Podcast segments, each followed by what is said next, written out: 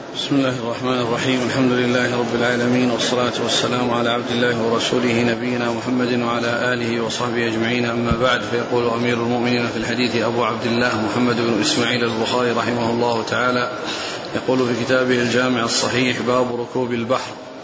قال حدثنا أبو النعمان قال حدثنا حماد بن زيد عن يحيى عن محمد بن يحيى بن حبان عن أنس بن مالك رضي الله عنه أنه قال حدثتني أم حرام أن النبي صلى الله عليه وسلم قال يوما قال يوما في بيتها فاستيقظ وهو يضحك. قالت يا رسول الله ما يضحكك؟ قال عجبت من قوم من أمتي يركبون البحر كالملوك على الأسرة. فقلت يا رسول الله ادعو الله أن يجعلني منهم. فقال أنت معهم. ثم نام فاستيقظ وهو يضحك. فقال مثل ذلك مرتين أو ثلاثا قلت يا رسول الله ادعو الله أن يجعلني منهم. فيقول أنت من الأولين. فتزوج بها عبادة بن الصامت رضي الله عنه فخرج بها إلى الغزو. فلما رجعت قربت دابة لتركبها فوقعت فاندقت عنقها. بسم الله الرحمن الرحيم الحمد لله رب العالمين وصلى الله وسلم وبارك على عبده ورسوله نبينا محمد وعلى آله وأصحابه أجمعين. أما بعد يقول الإمام البخاري رحمه الله باب ركوب البحر. يعني ركوب البحر هنا أورده في كتاب الجهاد لأن فيه أو لأنه يتعلق بقصة حصلت في الجهاد في سبيل الله. وركوب البحر يعني عموما الله عز وجل مما امتن به على عباده. يعني هو الذي يسيركم في البر والبحر. ف فركوب البحر والسير في البر على الدواب وعلى المركوبات البرية وعلى السفن في البحر هذه من نعم الله عز وجل التي أنعم الله تعالى بها على عباده. فيركب في الجهاد وفي غير الجهاد. يركب البحر ويسافر في البحر للتجارة ولغير التجارة وكذلك للحج والعمرة وغير ذلك. يفعل ذلك يستعمل البحر في يركب البحر في هذه الأمور في في العبادات والمعاملات في العبادات والمعاملات. وهذا مما تفضل الله به عز وجل وامتن به على عباده وجاء ذلك في آيات كثيرة في القرآن فيها امتنان الله عز وجل عليهم بأن سخر لهم البحر وكون الفلك تجري فيه وهم يعني يبتغون فضل الله ويبتغون الرزق يعني في, في ركوبه أو عن طريق ركوبه. كل هذا مما أنعم الله تعالى به على عباده. وذكر هذا الحديث الذي يتعلق في الغزو وهو أن أن أم حرام بنت ملحان خالة أنس بن مالك لأن أنس بن مالك أمه أم سليم بنت ملحان وهذه أم حرام بنت ملحان فهي خالته. أخبر أن النبي صلى الله عليه وسلم دخل عليها وقال عندها قال يعني من القيلولة يعني نام في القائلة لأنه يقال قال في القيلولة ويقال في القول ويقال في القول. قال قال كذا وقال في مكان كذا. يعني فتستعمل قال في القيلولة وفي القول. وهنا قال في من القيلولة وهي أنه نام عندها عليه الصلاة والسلام. فاستيقظ وهو يضحك فقال أخبرها بأنه يعني رأى أن أن أناسا من من أمته يركبون البحر كالملوك على الأسرة. يعني وهذه هيئة طيبة ويعني وثناء يعني حسن ومدح لهم في ذلك. فقالت ادعو الله أن يجعلني منهم. فقال أنت منهم. ثم إنه نام مرة أخرى واستيقظ وهو يعني يضحك. فقال مثل ما قال قالت ادعو الله يجعلني منهم. قال أنت من الأولين. قال أنت من الأولين. يعني المجموعة الأولى أو الفئة الأولى الذين رآهم النبي صلى الله عليه وسلم في أول الأمر هي تكون منهم. ثم إن تزوجها عبادة بن الصامت فذهب بها معه. يعني كما كانت النساء تذهب مع الرجال يعني في الغزو لخدمتهم ولإفادتهم ف فلما رجعت من البحر وقدمت لها دابة لتركبها سقطت منها فاندق عنقها وماتت. اندق عنقها يعني وماتت لسقوطها من هذه الدابة. لسقوطها من هذه الدابة. وهذا الذي أخبر به الرسول عليه الصلاة والسلام في هذه الرؤيا آه، تحققت بكونها تزوجها عبادة بن الصامت وذهب بها ولما رجعوا من البحر قدموا لها دابة تركبها فسقطت. وهذا مما قدره الله وقضاه. والصحابة رضي الله عنهم وأرضاهم إذا سمعوا من النبي صلى الله عليه وسلم عن شيء في المستقبل فإنه لا بد وأن يقع. يعرفون أنه لا بد من وقوعه لأن النبي صلى الله عليه وسلم لا يخبر لا يخبر بشيء له حق ولا بد وأن يقع. فهذه الرؤيا التي رآها الرسول صلى الله عليه وسلم ويعني أخبر بها وعبرها وأن وأن هذه المرأة ستكون ممن يركب البحر يعني في بعض الغزوات وأنها يعني آه تكون من هؤلاء وقد حصل لها الموت في تلك المناسبة. عندما خرجت من البحر راجعين قدمت لها دابة لتركبها فسقطت فاندقت عنقها فاندقت عنقها بذلك.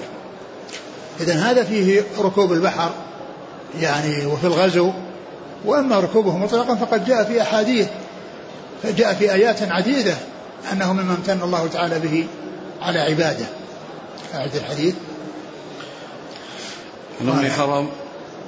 آه، دخول النبي صلى الله عليه وسلم على أم حرام وخلوته بها هذا آه، بين العلماء أنه لا يخلو من أمرين إما أن يكون هناك محرمية ولو عن طريق الرضاع أو أنه من خصائصه صلى الله عليه وسلم. أو أنه من خصائصه صلى الله عليه وسلم. فلا يجوز لغيره أن يخلو بأجنبية. لا يجوز لغيره أن يخلو بأجنبية. وأما هو فإن خلوه بها وقيلولته عندها وما جاء في بعض الأحاديث أنها كانت تفلي رأسه هذا يعني يعتبر من خصائصه. قال الحافظ بن حجر ورجح الحافظ بن حجر أن هذا من خصائصه عليه الصلاة والسلام. وإن ثبتت محرمية وإن ثبتت محرمية عن طريق الرضاع فأيضا هذا يعني سبب. لكن هذا لأن لكن كونه يعني ليس هناك محرمية يعتبر من خصائصه عليه الصلاة والسلام فلا يستدل بذلك على أن الرجال يخلون بالنساء أو الأجنبي يخلو بالأجنبية بل إن هذا من خصائصه عليه الصلاة والسلام. أقرأ. نعم. عن أم حرام أن النبي صلى الله عليه وسلم قال يوما في بيتها فاستيقظ وهو يضحك. قالت يا رسول الله ما يضحكك؟ قال عجبت من قوم من أمتي يركبون البحر كالملوك على الأسرة. فقلت يا رسول الله ادعو الله أن يجعلني منهم. فقال أنت معهم. ثم نام فاستيقظ وهو يضحك. فقال يعني العباره قال أنت معهم. يعني ما قال أنت منهم. لأن هؤلاء هم الأصل.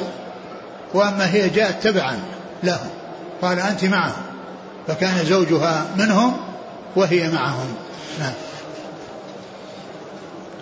فقال مثل ذلك مرتين أو ثلاثة قلت يا رسول الله أدعو الله أن يجعلني منهم فيقول أنت من الأولين فتزوج بها عبادة بن الصامت قال أنت من الأولين. وقد يعني ولم تدرك الآخرين ولم تدرك الآخرين الذين طلبت أن يدعو الرسول صلى الله عليه وسلم أن يجعله منهم. يعني أيضا قال أنت من الأولين. وقد ماتت مع الأولين فلم تدرك الآخرين. فتزوج بها عبادة بن الصامت فخرج بها إلى الغزو. فلما رجعت قربت دابة لتركبها فوقعت فاندقت عنقها. نعم. قال حدثنا أبو النعمان عن حماد بن زيد. أبو النعمان محمد بن فضل. عن يحيى عن محمد. عن, عن يحيى بن سعيد الأنصاري. عن محمد بن يحيى بن حبان عن أنس بن مالك. نعم. عن أم حرام. نعم. قال رحمه الله تعالى باب من استعان بالضعفاء والصالحين في الحرب. وقال ابن عباس أخبرني أبو سفيان رضي الله عنه أنه قال قال لي قيصر سألتك آشراف الناس اتبعوه أم ضعفاؤهم فزعمت ضعفاءهم وهم أتباع الرسل. قال حدثنا سليمان بن حرب قال حدثنا محمد بن طلحة عن طلحة عن مصعب بن سعد قال رأى سعد رضي الله عنه أن له فضلا على من دونه على من دونه. فقال النبي صلى الله عليه وسلم هل تنصرون وترزقون إلا بضعفائكم؟ ثم ثم قال باب الاستعانة. بالضعفاء والصالحين في الحرب. باب الاستعانة بالضعفاء والصالحين في الحرب. آه، أورد فيه آه، قطعة من حديث أبي سفيان في آه، في محاورته ومخاط يعني الكلام الذي جرى بينه وبين بين هرقل عظيم الروم. وكان من جملة أسئلته يتبعه أشراف الناس أم ضعفاءهم؟ فقال بل ضعفاهم قال وكذلك الرسل يعني أن الذين يتبعونهم ضعفاء ولهذا يعني جاء في القرآن الكريم يعني في قصص عديدة يعني أن الذين يتبعون الرسل هم هم الضعفاء وهم الذين يبادرون. وأما الأشراف والكبار فإنهم يعني غالبا يحصل منهم التكبر والاستئناف وعدم الاستنكار وعدم الإقدام على اتباعهم. والضعفاء هم الذين يتبعونهم. ولهذا جاء في قصة آه، نوح قالوا آه ما نراك إلا بشرا منه وما نراك اتبعك الذين هم أراذلنا. وما نراك اتبعك إلا الذين هم أراذلنا. فهذا يعني يدل على أن أتباع الرسل أنهم هم الضعفاء. ويعني وهذا الذي آه ذكره أو ذكره أبو, أبو, أبو, أبو, سفيان للرسول أنهم ضعفاءهم قال وكذلك الرسل. وكذلك الرسل يعني يتبعهم ضعفاهم وقصة آه، نوح ما قاله الله عن قوم نوح. يعني هذه من أوضح الواضحات على أن الضعفاء هم من يتبعون ولذلك استنكر الكبار على اتباع الضعفاء له. الكبار يعني غالبا أنه يحصل منهم الاستكبار وأن لا يذهب عنهم الشيء الذي حصلوه. وقد يكون حصلوا يعني منازل ويعني جاه ومنزلة فيخشون أن تذهب عنهم. ولهذا لا لا يبادرون اتباع الرسل وإنما يبادر إليه ضعفاءهم. ثم ذكر هذا الحديث الذي فيه أن سعد بن أبي وقاص رضي الله عنه رأى أن له فضلا على من دونه. يعني قيل لعل ذلك لشجاعته وأنه كان شجاع رضي الله عنه وأرضاه. فقال الرسول صلى الله عليه وسلم وهل تنصرون؟ وهل تنصرون؟ إلا وهل تنصرون وترزقون. وهل ترزقون تنصرون وترزقون إلا بضعفائكم. تنصرون وترزقون إلا بضعفائكم. يعني كون الضعفاء يعني يحصل منهم الدعاء ويحصل منهم آه، سؤال الله عز وجل آه، الرزق وغيره فيرزق الكبار وال يعني بدعاء هؤلاء المستضعفين فكذلك أيضا فيما يتعلق بالحرب كما أنه قد ينصر بسبب الشجاعة والقوة فكذلك أيضا ينصر بسبب الدعاء. يعني من كان شجاعا فإنه يفيد بشجاعته ومن كان ضعيفا فإنه يفيد بما يقدر عليه من في الغزو وكذلك الدعاء. نعم. قال حدثنا سليمان بن حرب عن محمد بن طلحة عن طلحة. محمد بن طلحة آه، ابن مصرف عن أبيه طلحة. نعم. عن مصعب بن سعد عن سعد. عن مصعب بن سعد بن أبي وقاص عن سعد بن أبي وقاص. وهذا الحديث فيه رواية ابن عن ابنه في عن أبيه في موضعين. رواية ابن عن أبيه في موضعين. مصعب عن أبيه سعد ومحمد بن طلحة عن أبيه طلحة بن مصرف. قال حدثنا عبد الله بن محمد قال حدثنا سفيان عن عمرو أنه سمع جابرا عن أبي سعيد الخدري رضي الله عنهم عن النبي صلى الله عليه وآله وسلم أنه قال يأتي زمان يغزو فئام من الناس فيقال فيكم من صحب النبي صلى الله عليه وسلم فيقال نعم فيفتح عليه. ثم يأتي زمان فيقال فيكم من صحب أصحاب النبي صلى الله عليه وسلم فيقال نعم فيفتح. ثم يأتي زمان فيقال فيكم من صحب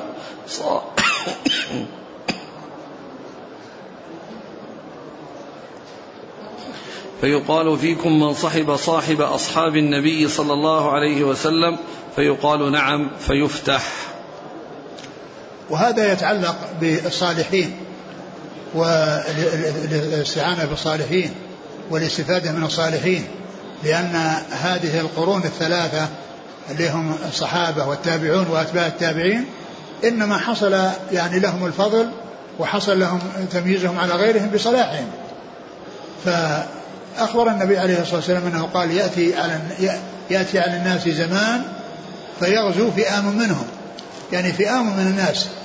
يغزون يذهبون للغزو ثم إنهم يفتشون. هل فيكم أحد صاحب الرسول صلى الله عليه وسلم؟ لأنه يعني من أهل الفضل والصلاح. فيقول نعم. فيحصل لهم الفتح يعني بذلك. ويقدر الله عز وجل أن يحصل لهم النصر بسبب كون فيهم أحد من الصحابة الذين هم خيار الصالحين بعد الأنبياء والمرسلين. صلوات الله وسلامه عليهم ورضي الله عن الصحابة أجمعين. هل فيكم من صحب رسول الله صلى الله عليه وسلم؟ فيقول نعم فيفتح لهم. ثم يأتي على الناس الزمان فيغزو فئام منهم. فيقال هل فيكم من صحب أصحاب رسول الله صلى الله عليه وسلم؟ فيقول نعم فيفتح لهم. ثم يأتي على الناس زمان فيغزو فئام منهم. فيقال هل فيكم من صحب من صاحب أصحاب رسول الله صلى الله عليه وسلم؟ فيقول نعم فيفتح لهم. هذه القرون هي القرون الثلاثة التي قال عليه فيها الرسول عليه السلام خير خير الناس قرني ثم الذين يلونهم ثم الذين يلونهم. يعني قرن الصحابة ثم قرن التابعين ثم قرن أتباع التابعين. فصارت يعني هذه يعني هذه هذه القرون الثلاثة خير القرون. وكل قرن أفضل من الذي يليه. وخير هذه الأمة أصحاب رسول الله صلى الله عليه وسلم. ثم يعني يليهم قرن التابعين. ثم بعد ذلك قرن أتباع التابعين. فأصحاب الرسول عليه الصلاة والسلام ميزتهم وفضلهم أن الله شرفهم برؤية الرسول صلى الله عليه وسلم في هذه الحياة الدنيا. رأوا شخصه وأوجدهم الله في زمانه وقاموا بالجهاد معه ونصرته والدفاع عنه. فعيونهم رأت النبي عليه الصلاة والسلام. عيونهم رأت النبي عليه الصلاة والسلام. وقد أثنى الله عليهم في التوراة والإنجيل قبل أن يوجدوا وقبل أن يأتي زمانهم أثنى الله عليهم وبين صفاتهم في التوراة والإنجيل قبل أن يأتي زمانهم وهذا كله دال على فضلهم ونبلهم رضي الله تعالى عنهم وأرضاهم. إذا القرن الأول رأت عيونهم رسول الله صلى الله عليه وسلم. والقرن الثاني ما رأت عيونهم النبي صلى الله عليه وسلم ولكنهم رأوا العيون التي رأته. رأوا العيون التي رأته وهي عيون الصحابة. يعني فهذه يعني ميزة لهم أنهم رأوا من رأى رسول الله صلى الله عليه وسلم وعيونهم رأت الأعين التي رأت رسول الله صلى الله عليه وسلم. ثم أتباع التابعين الذين رأت عيونهم الصحابة الذين رأت عيونهم التابعين الذين أتباع رأت عيونهم الصحابة وأولئك يعني من رأى الصحابة وأولئك يعني الصحابة رأوا الرسول صلى الله عليه وسلم. فهذا دال على فضل القرون الثلاثة وهو مطابق لما جاء في حديث خير الناس قرني ثم الذين يلونهم ثم الذين يلونهم. لأن هذه القرون الثلاثة هي التي قال عنها أو هذه الفئات أو الفئام من الناس في, في ثلاثة أحوال هم الذين يعني آه قال عنهم الرسول صلى الله عليه وسلم خير الناس قرني ثم الذين يلونهم ثم الذين يلونهم نعم. قال حدثنا عبد الله بن محمد المسدي عن سفيان. سفيان بن عيينة. عن عمرو. عمرو بن دينار. عن جابر. جابر بن عبد الله الأنصاري. عن أبي سعيد الخدري. نعم. قال رحمه وهو من رواية صحابي عن صحابي. نعم. قال رحمه الله تعالى باب لا يقال فلان شهيد. قال أبو هريرة عن النبي صلى الله عليه وسلم الله أعلم بمن يجاهد في سبيله الله أعلم بمن يكلم في سبيله. قال حدثنا قتيبة قال حدثنا يعقوب بن عبد الرحمن عن أبي حازم عن سهل بن سعد الساعدي رضي الله عنه أن رسول الله صلى الله عليه وآله وسلم التقى هو والمشركون فاقتتلوا فلما مال رسول الله صلى الله عليه وسلم إلى عسكره ومال الآخرون إلى عسكرهم.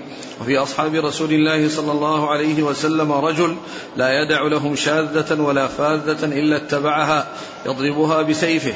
فقال ما أجزأ منا اليوم أحد كما أجزأ فلان. فقال رسول الله صلى الله عليه وآله وسلم أما إنه من أهل النار. فقال رجل من القوم أنا صاحبه. قال فخرج معه كلما وقف وقف معه وإذا أسرع أسرع معه. قال فجرح الرجل جرحا شديدا فاستعجل الموت ووضع نصل سيفه بالأرض وذبابه بين ثدييه ثم تحامل على سيفه فقتل نفسه. فخرج الرجل إلى رسول الله صلى الله عليه وسلم فقال أشهد أنك رسول الله. قال وما ذاك؟ قال الرجل الذي ذكرت آنفا أنه من أهل النار فأعظم الناس ذلك فقلت أنا لكم به فخرجت في طلبه ثم جرح جرحا شديدا فاستعجل الموت فوضع نصل سيفه في الأرض وذبابه بين ثدييه ثم تحامل عليه فقتل نفسه. فقال رسول الله صلى الله عليه وسلم عند ذلك إن الرجل ليعمل عمل أهل الجنة فيما يبدو للناس وهو من أهل النار وإن الرجل ليعمل عمل أهل النار فيما يبدو للناس وهو من أهل الجنة. ثم ذكر هذا الباب وهو باب لا يقال فلان شهيد. يعني شخص معين لا يقال له شهيد يعني إذا إذا قتل في معركة فإن الله عز وجل هو الذي يعلم ما في في في, في بواطن الأمور ويعلم يعني من من يكون شهيدا ومن يكون غير شهيد. الناس لهم الظاهر والباطن لا يعلمه إلا الله سبحانه وتعالى. الباطن لا يعلمه إلا الله عز وجل. وقد ذكر يعني هذا الذي علقه أو أشار إليه أنه يعني قال والله أعلم بمن يقتل في سبيله والله أعلم بمن يكلم في سبيله. يعني أن هذا يعني آه، من الأمور الخفية التي الناس لا يعرفونها وإنما الله تعالى هو الذي يعلمها وإنما الناس لهم الظاهر وقد يحكمون بالظاهر وهو على خلاف ما كانوا يظنون وعلى خلاف يعني حكمهم.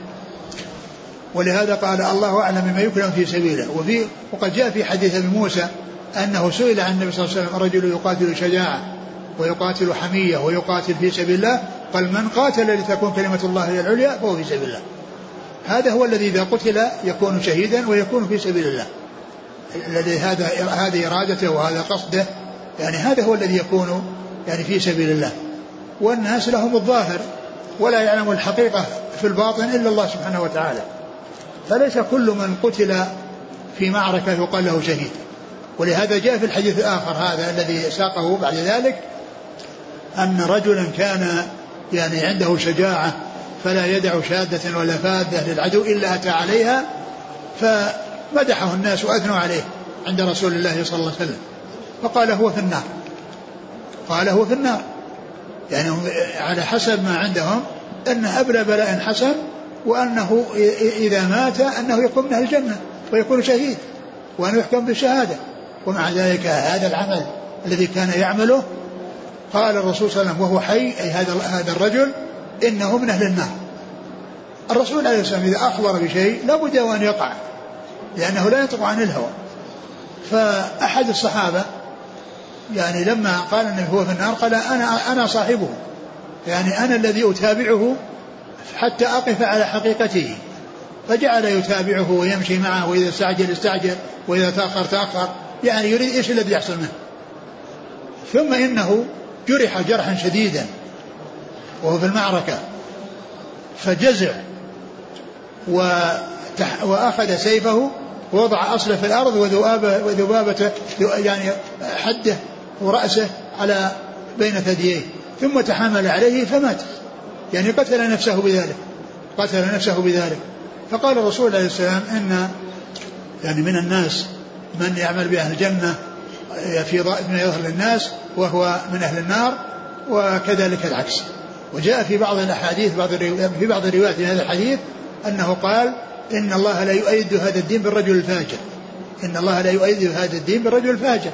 يعني هذا البلاء الحسن الذي حصل منه وهو من أهل الفجور ويقال له فاجر إنما هو من تأييد الله عز وجل لهذا الدين بالبر والفاجر يعني بالصالح والطالح فهذا يعني هذا الرجل هذه حاله وقد أثنى عليه الصحابة وأبلى بلاء حسنا في الجهاد في سبيل الله ومع ذلك صارت حاله على خلاف ما يعني يقوله الناس وإنما وقع الأمر كما أخبر بذلك رسول الله صلوات الله وسلامه وبركاته عليه. لكن من جاء نص على أنه شهيد فهذا لا شك يطلق عليه أنه شهيد. مثل ما جاء في الحديث أن أنه لما صعد أحد قال إنما عليك نبي وصديق وشهيدان. وشهيدان. يعني بذلك يعني عمر وعثمان. فالرسول يعني أخبر بشهادتهم أخبر بأنهم شهداء. فكل من جاء عن النبي صلى الله عليه وسلم شهادة له بالجنة. أو شهادة بأنه شهيد فهذا من أهل الجنة.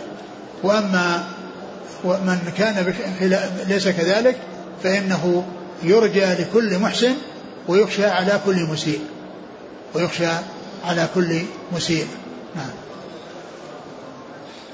قال حدثنا قتيبة عن يعقوب بن عبد الرحمن نعم الإسكندراني. عن أبي حازم عن سهل بن سعد الساعدي حازم هو سلمة بن دينار.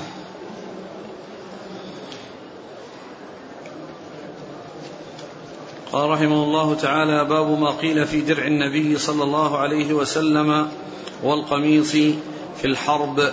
وقال النبي صلى الله عليه وآله وسلم أما خالد فقد احتبس أدراعه في سبيل الله.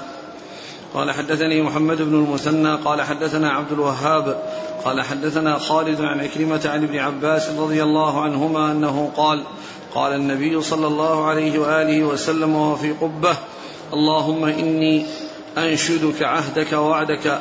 اللهم إن شئت لم تعبد بعد اليوم. فأخذ أبو بكر رضي الله عنه بيده فقال حسبك يا رسول الله فقد ألححت على ربك وهو في الدرع. فخرج وهو يقول سيهزم الجمع ويولون الدبر بل الساعة موعدهم والساعة أدهى وأمر. وقال وهيب حدثنا خالد يوم بدر. ثم ذكر هذه الترجمة باب باب الدروع و وال باب ما قيل في درع النبي صلى الله عليه وسلم والقميص في الحرب. ما قيل في درع النبي صلى الله عليه وسلم والقميص في الحرب. والقميص في الحرب. يعني آه يعني ما ورد في آه في ما يتعلق بدرع الرسول صلى الله عليه وسلم. يعني جاء فيه أحاديث. أقول جاء فيه أحاديث. وذكر و و و والدروع هي التي تستعمل في الحرب للوقاية من سهام الكفار يقال لها دروع. فالرسول عليه الصلاة والسلام ذكر في هذا الحديث أو جاء في هذا ذكر المصنف في هذا في هذه الترجمة أشار إلى حديث آه، خالد قصة خالد وأن احتبس أذراعه وفي في سبيل الله. وهذا الحديث هو متفق عليه رواه البخاري ومسلم. هو الذي فيه قصة بعث الرسول عمر على الصدقة فقيل منع ابن جميل وخالد بن الوليد والعباس. فقال عليه الصلاة والسلام أما ابن جميل فما ينقم إلا أن كان فقيرا فأغناه الله.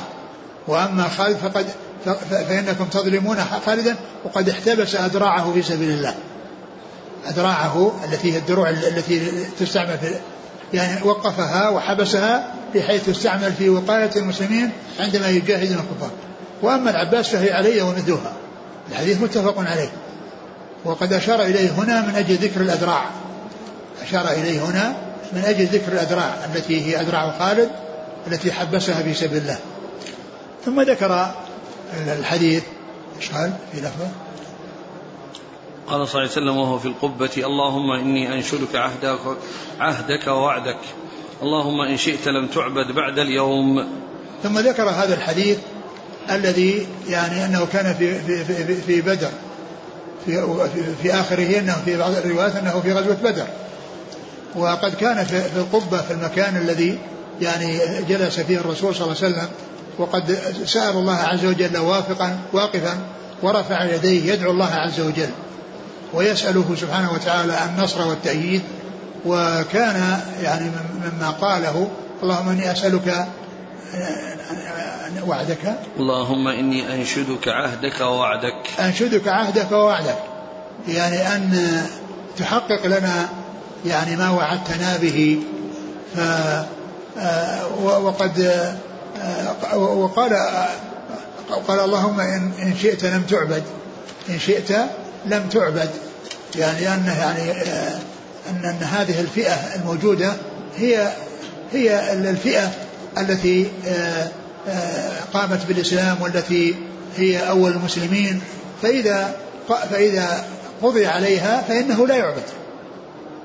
يعني فإنه لأن أهل العبادة ذهبوا وهو يسأله أن ينصره وأن يؤيده وأن لا يعني يحصل له الهزيمة ويحصل النكاية من الكفار بالمسلمين فيذهب الذين يعبدونه. وهذه الجملة تدل على يعني أن هذا هو هؤلاء هم الذين يجاهدون في سبيل الله. وذلك كان في أول الإسلام وفي أول الهجرة وكانت بدر في السنة الثانية. واستدل بعض العلماء بهذه الجملة على أن على أن على أن الخبر غير موجود. لأن يعني من الناس من يقول إن الخضر موجود. إن الخضر موجود وأنه لم يمت. وأنه يعني في الأرض يسيح كيف يشاء. فيستدل بقوله إن انتشأ لم تعبد. يعني أنه لو لو ذهبت هذه العصابة أو هذه الجماعة فإن الخضر موجود. يعبد الله لو كان لو كان لو كان حيا. لو كان حيا لعبد الله وهو ليس من هؤلاء. فاستدلوا به على أن الخضر ليس بحي. وأنه قد مات ولم يكن معمرا. وبعض الناس كثير من الناس افتتنوا به وكونه ولي وأنه يعني يحصل من كذا وأنه يعني يأتي إلى الناس ويعني الناس يتمنون رؤيته. ف وقد جاء في عن عن قول عن بعض أهل العلم يعني أنه حي. والحافظ بن حجر رسالة الروض النظر في خبر الخبر وهي موجودة ضمن الرسائل المنيرية ضمن مجموعة الرسائل المنيرية. فيه من قال إنه حي ومنهم من قال إنه ميت. بل جاء في صحيح مسلم أنه لما ذكر الفتى الذي آه، يخرج للدجال ويقطعه قطعتين قال الراوي عن مسلم أتى بجملة قال أبو سفيان يقال إنه الخضر. يقال هذا في صحيح مسلم. يعني من كلام الراوي عنه. وأتى بهذه العبارة التي قال يقال إنه الخضر يعني على أنه موجود مثل ما يقوله بعض الناس. مثل ما يقول بعض الناس إنه موجود ولكن الأدلة تدل على أنه غير موجود هذا الدليل. وكذلك الحديث الذي قال فيه الرسول ان ان أن طفلا صغيرا كان مولود قال ان يأتي مئة سنة وفيه نفس تطرف. يعني ما كان حيا في ذلك الوقت لن يمضي مئة سنة إلا وقد مات. بخلاف الذين يولدون بعد ذلك هؤلاء الذين يتجاوزون هذه المئة. فأحاديث تدل على أنه يعني ليس بحي وإنما هو قد مات, قد مات. آه نعم. وذكر الدروع من أجل أنه جاء فيه يعني خرج من الدرع أو إيش كلمة قال فسلم في القبة. لكن بعد ذلك لما قال أبو بكر حسبك يا رسول الله فقد ألححت على ربك وهو في الدرع. وهو في الدرع هذا هو. هذا المقصود من إيراد الحديث. يعني درع الرسول صلى الله عليه وسلم. نعم. قال حدثنا محمد بن المثنى نعم.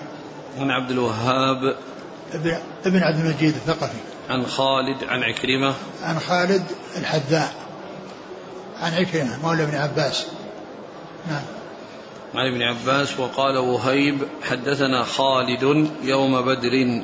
يعني هذه يعني يعني جاء من طريق وهيب أن ذلك يوم بدر لأنها في الحديث الرواية السابقة ليس فيها ذكر الوقت وذكر الغزوة وهذه فيها زيادة يوم بدر.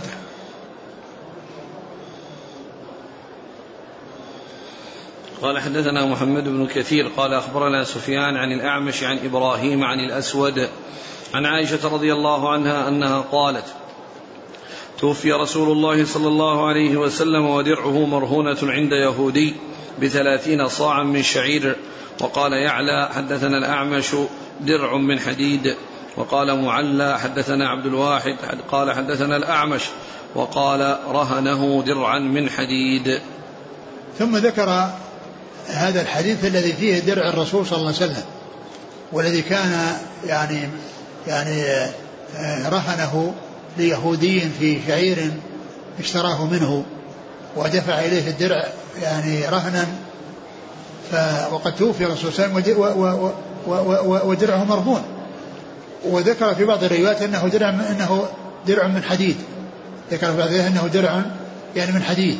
فهذا فيه ذكر من أجل آه، أنه آه، أضيف إلى رسول الله صلى الله عليه وسلم وأنه درع رسول الله عليه الصلاة والسلام وهو كما هو معلوم إنما يستعمل في الغزو في اتقاء السهام من الأعداء اتقاء السهام من الأعداء اتقاء السهام من الأعداء. نعم قال حدثنا محمد بن كثير عن سفيان. سفيان هو ثوري عن الأعمش عن إبراهيم. النخعي عن الأسود عن عائشة. نعم. وقال يعلى حدثنا الأعمش درع من حديد. يعلى. ابن عبيد الطنافسي. نعم. يعلى. يعلى بن عبيد نعم. الطنافسي نعم. الكوفي. نعم. وقال معلى حدثنا عبد الواحد قال حدثنا الأعمش وقال رهنه درعا من حديد. نعم. قال حدثنا موسى بن إسماعيل قال حدثنا وهيب قال حدثنا ابن طاووس عن أبيه عن أبي هريرة رضي الله عنه عن النبي صلى الله عليه وسلم أنه قال مثل البخيل والمتصدق مثل رجلين عليهما جبتان من حديد قد اضطرت أيديهما إلى تراقيهما فكلما هم المتصدق بصدقته اتسعت عليه حتى تعفي أثره. وكلما هم البخيل بالصدقة انقبضت كل حلقة إلى صاحبتها وتقلصت عليه وانضمت يداه إلى تراقيه. فسمع النبي صلى الله عليه وسلم يقول فيجتهد أن يوسعها فلا تتسع. ثم ذكر هذا الحديث مثل البخيل والمنفق كمثل رجل عليه جبة جبة مثل رجلين عليهما جبتان من حديد. رجلين. عليهما جبتان من من من حديد. جبتان من حديد. ويعني قال إن المتصدق إذا أراد أن يتصدق يعني يقوم يبذل ويتمكن من البذل. فيكون مثل الذي يحركها من تحت حتى تنزل وتعفي أثره. يعني حتى يكون سابق دروع سابغات يعني درع سابق عليه. وأما البخيل فإنه يريد أن يحركها أن تنزل فلا تتحرك بل ترتفع إلى فوق حتى تكون يعني يديه كالمغلولتين. لأن ما يستطيع أنها تنزل بل هي ترتفع ولا تنزل. فذكر ذلك من أجل من أجل أن الجبة أن الجبتين أن الجبتين من حديد وأنها بالنسبة للمنفق تنزل ويعني تستجيب له وتتبع يده حتى تعفي أثره حتى تنزل إلى الأرض. وأما ذاك فإنها ترتفع و يعني يحاول أن يحركها فلا يستطيع ولا ولا يحصل فيكون مثل الذي غلت يعني يعني يداه فلا يستطيع فلا يستطيع الإنفاق. قال حدثنا موسى بن إسماعيل عن وهيب بن خالد عن ابن طاووس عن أبيه عن أبي هريرة. عبد الله بن طاووس. نعم. تنبيه على الطلاب. ننبه الطلاب الذين يأخذون المساعدات والزكوات أن كل واحد منهم يكتب ورقة الآن تشتمل على اسمه وعلى يعني بلده ويوقعها بتاريخ اليوم. وإن كان لا يستحق الزكاة يكتب فيها لا أريد الزكاة أو لا يستحق الزكاة وإذا كان لم يكتب ذلك فهو ممن يعني آه، يستحق الزكاة فيعطى من المساعدات ويعطى من الزكاة وأما الذي يقول أنه لا يستحق الزكاة يعطى من المساعدات والأوقاف التي تتعلق بالطلاب ولا آه ولا ولا يأخذ شيء من الزكاة.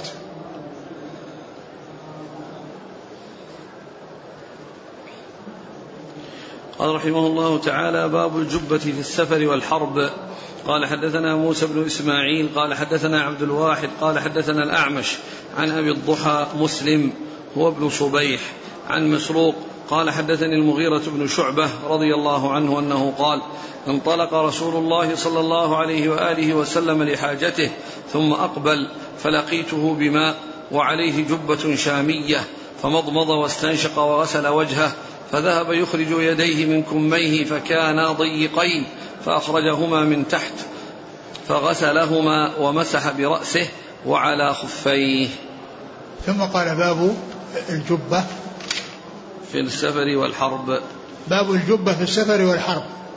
يعني استعمال الجبة وهو لباس غليظ والرسول صلى الله عليه وسلم حصل ذلك وهو راجع من تبوك. وكان يعني ذاهبا للحرب وكان في رجوعه من تبوك يعني حصل منه أنه كان معه المغيرة بن شعبة.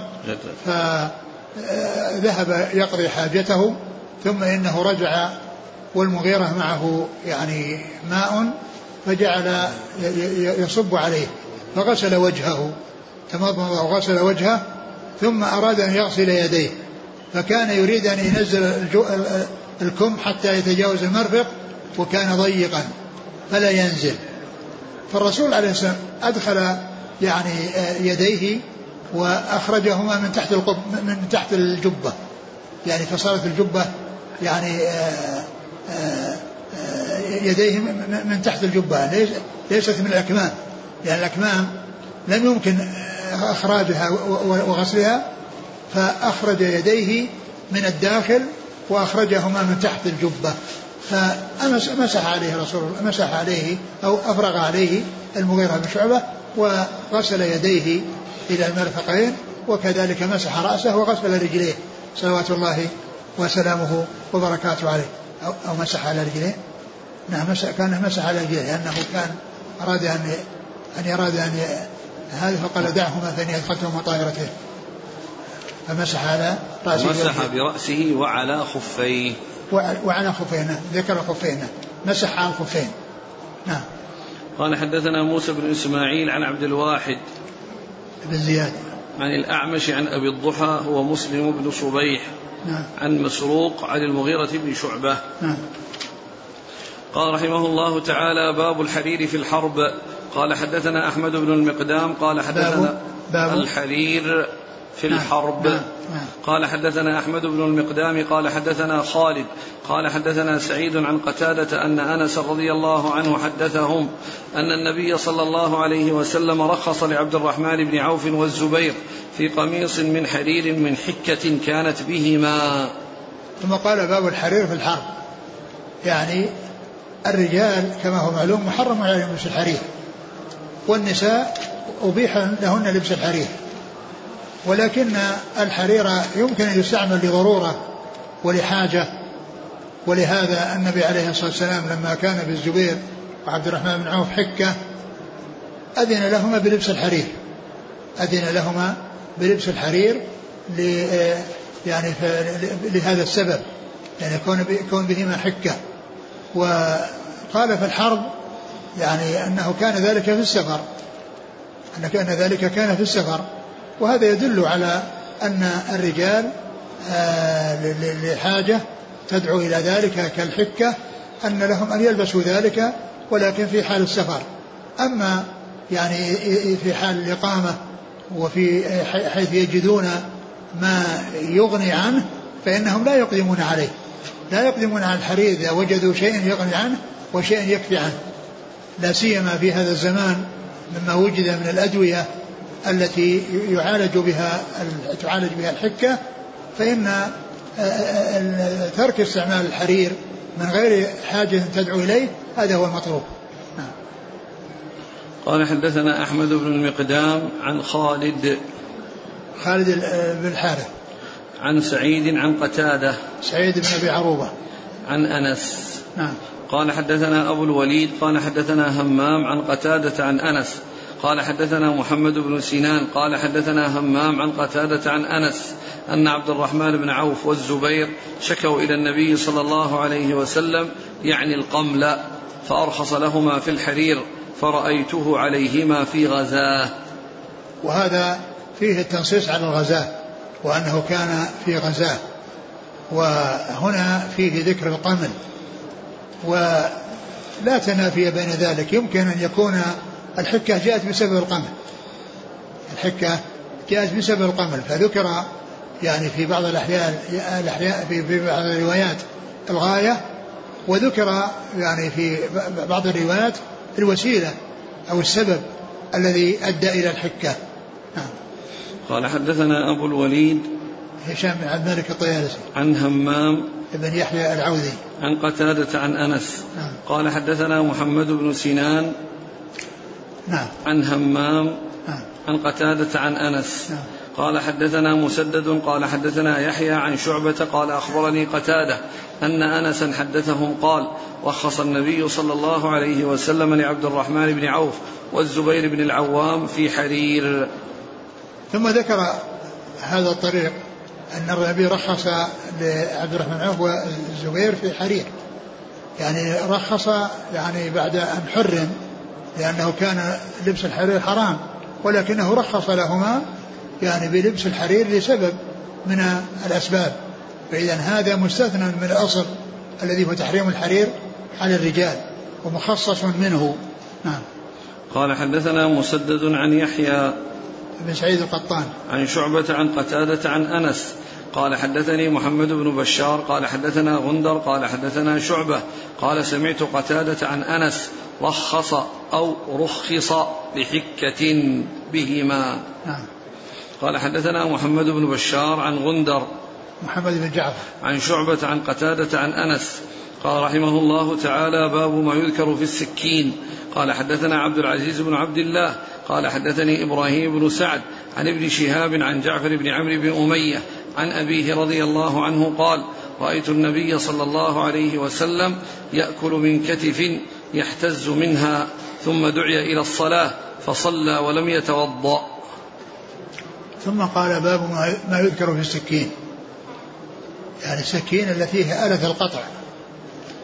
فذكر يعني هذا الحديث الذي فيه أن النبي صلى الله عليه وسلم يعني قال دعي يقول عمرو بن أمية رأيت النبي صلى الله عليه وسلم يأكل من كتف يحتز قال منها. رأيت النبي يأكل من كتف يعني كتف شاك يحتز منها بالسكين يعني يقطع. يحتز يقطع. يعني حتى حتى حتى يأكل. يعني آه، وقد يكون الطعام يعني حارا فإنه إذا كان حارا يعني آه، تستعمل السكين من أجل الحرارة. وأما إذا كان يعني غير حار فيمكن أن تستعمل السكين ويمكن أن لا تستعمل. لكن الغالب أن فائدتها والحاجة اللي تدعو إليها إذا كان الطعام حارا. فكونه يقطع بالسكين يعني يحصل مقصود من من من من, من تقطيعه من من غير من دون أن يلحق ضرر. فيحتز يعني معنى يقطع. فإيش؟ ثم دعي إلى الصلاة فصلى ولم يتوضأ. ثم دعي إلى الصلاة فصلى ولم يتوضأ. يعني أن يعني أن أن, أن الوضوء من مسة النار كان منهيا عنه في أول أمر ثم نسخ.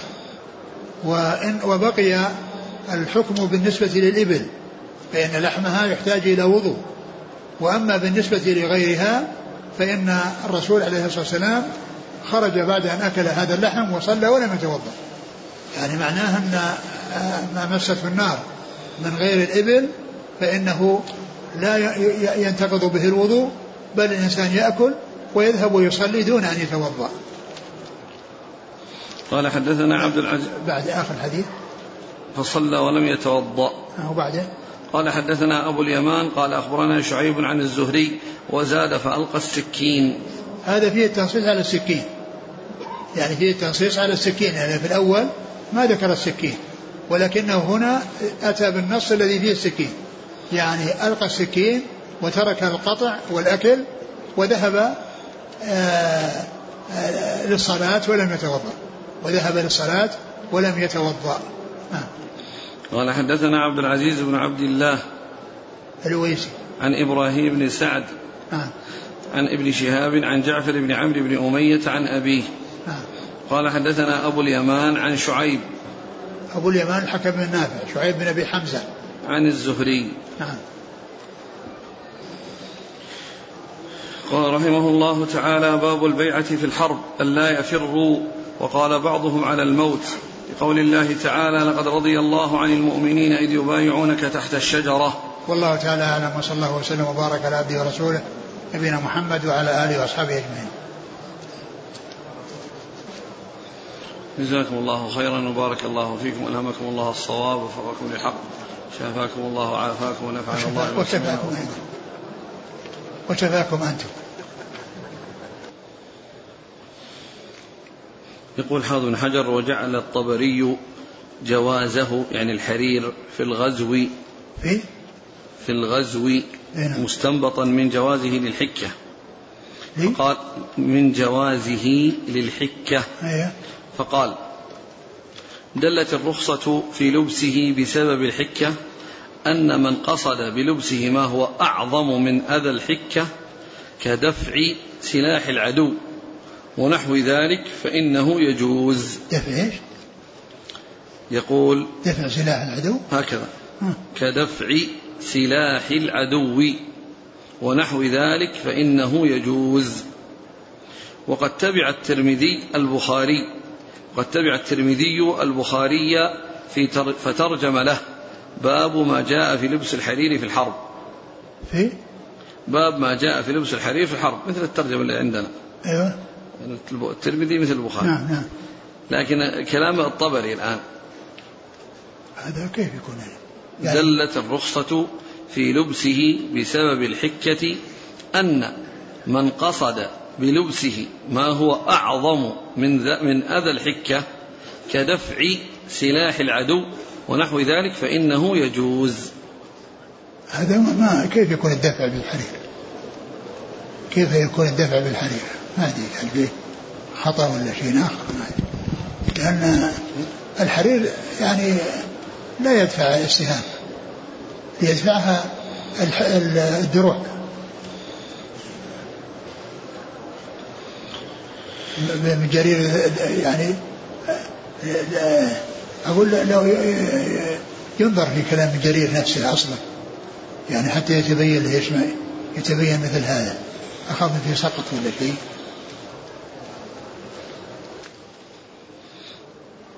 قال ثم المشهور عن القائلين بالجواز أنه لا يختص بالسفر.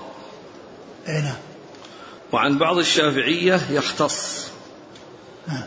وقال القرطبي الحديث حجة على من منع إلا أن يدعي الخصوصية بالزبير وعبد الرحمن ولا تصح تلك الدعوى. قلت قد جنح إلى ذلك عمر رضي الله عنه. يعني بالحكة بسبب الحكة. الخصوصية.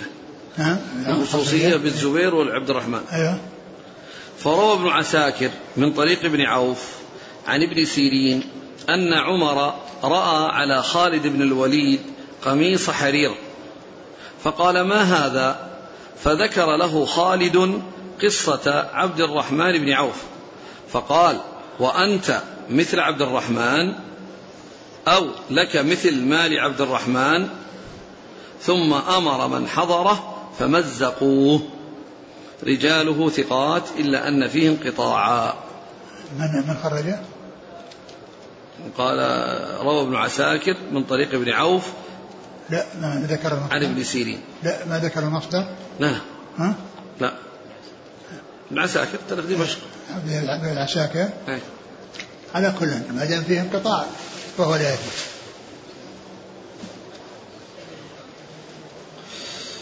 وقد اختلف السلف في لباسه فمنع مالك وأبو حنيفة مطلقا.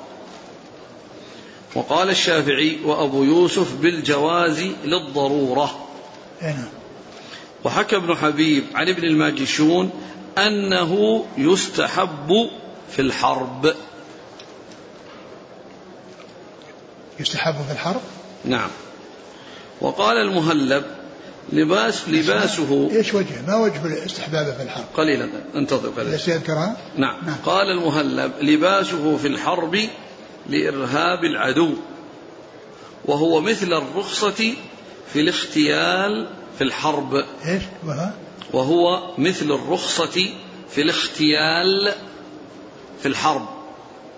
الاختيال يعني امره واضح لكن هذا الذي بالنسبة للحرير إيش ال إيش ال اللي يرهب العدو إذا شافهم لابسين الحرير؟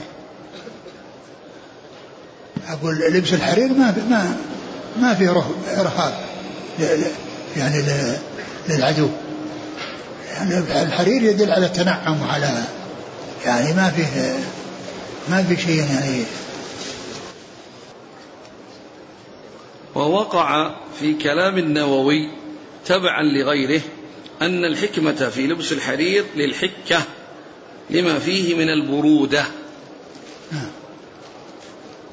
الحرير بارد يعني. نعم. وتعق وتعقب بأن الحرير حار. فالصواب أن الحكمة فيه لخاصة فيه لدفع ما تنشأ عنه الحكة كالقمل. وإيش والصواب فالصواب أن الحكمة فيه لخاصة فيه لدفع ما تنشأ عنه الحكمة كالقمل. يعني كأنه ينفي يعني القمل. يعني الحرير يعني ضد القمل ما يجي قمل. ها؟ القمل ما يجي إلا على الكتان والقطن ما يجي عند الحرير. إيه. يعني يزل لنعومته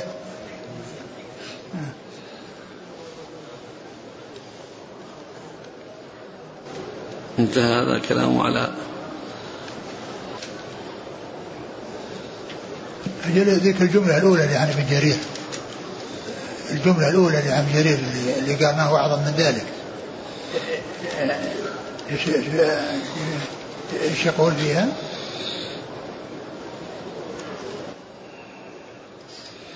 وجعل الطبري جوازه في الغزو مستنبطا من جوازه للحكة. قال دلت الرخصة في لبسه بسبب الحكة أن من قصد بلبسه ما هو أعظم من أذى الحكة كدفع سلاح العدو ونحو ذلك فإنه يجوز. أما دفع السلاح فليس بواضح.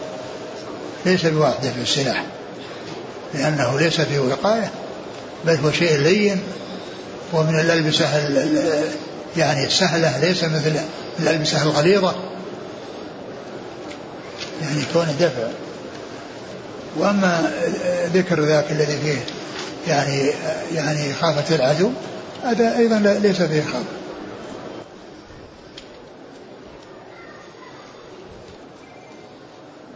يقول أحسن الله إليكم. قلتم في الحديث الذي فيه أن هناك من قاتل مع رسول الله صلى الله عليه وسلم ثم إنه قال صلى الله عليه وسلم إن هذا من أهل النار لأنه قتل نفسه. فذكرتم بارك الله فيكم هذا يدخل فيه قول النبي صلى الله عليه وسلم إن الله ليؤيد هذا الدين بالرجل الفاجر. إي نعم جاء في هذا. آه، لا هو إشكال. الآن فهم من كلامك أنك تقول بأن هذا الصحابي يوصف بهذا الوصف. فاجر. الحديث أقول الحديث يعني ورد يعني في أن أن, أن يعني آه، قال إن الله يؤيد هذا الدين بالرجل الفاجر.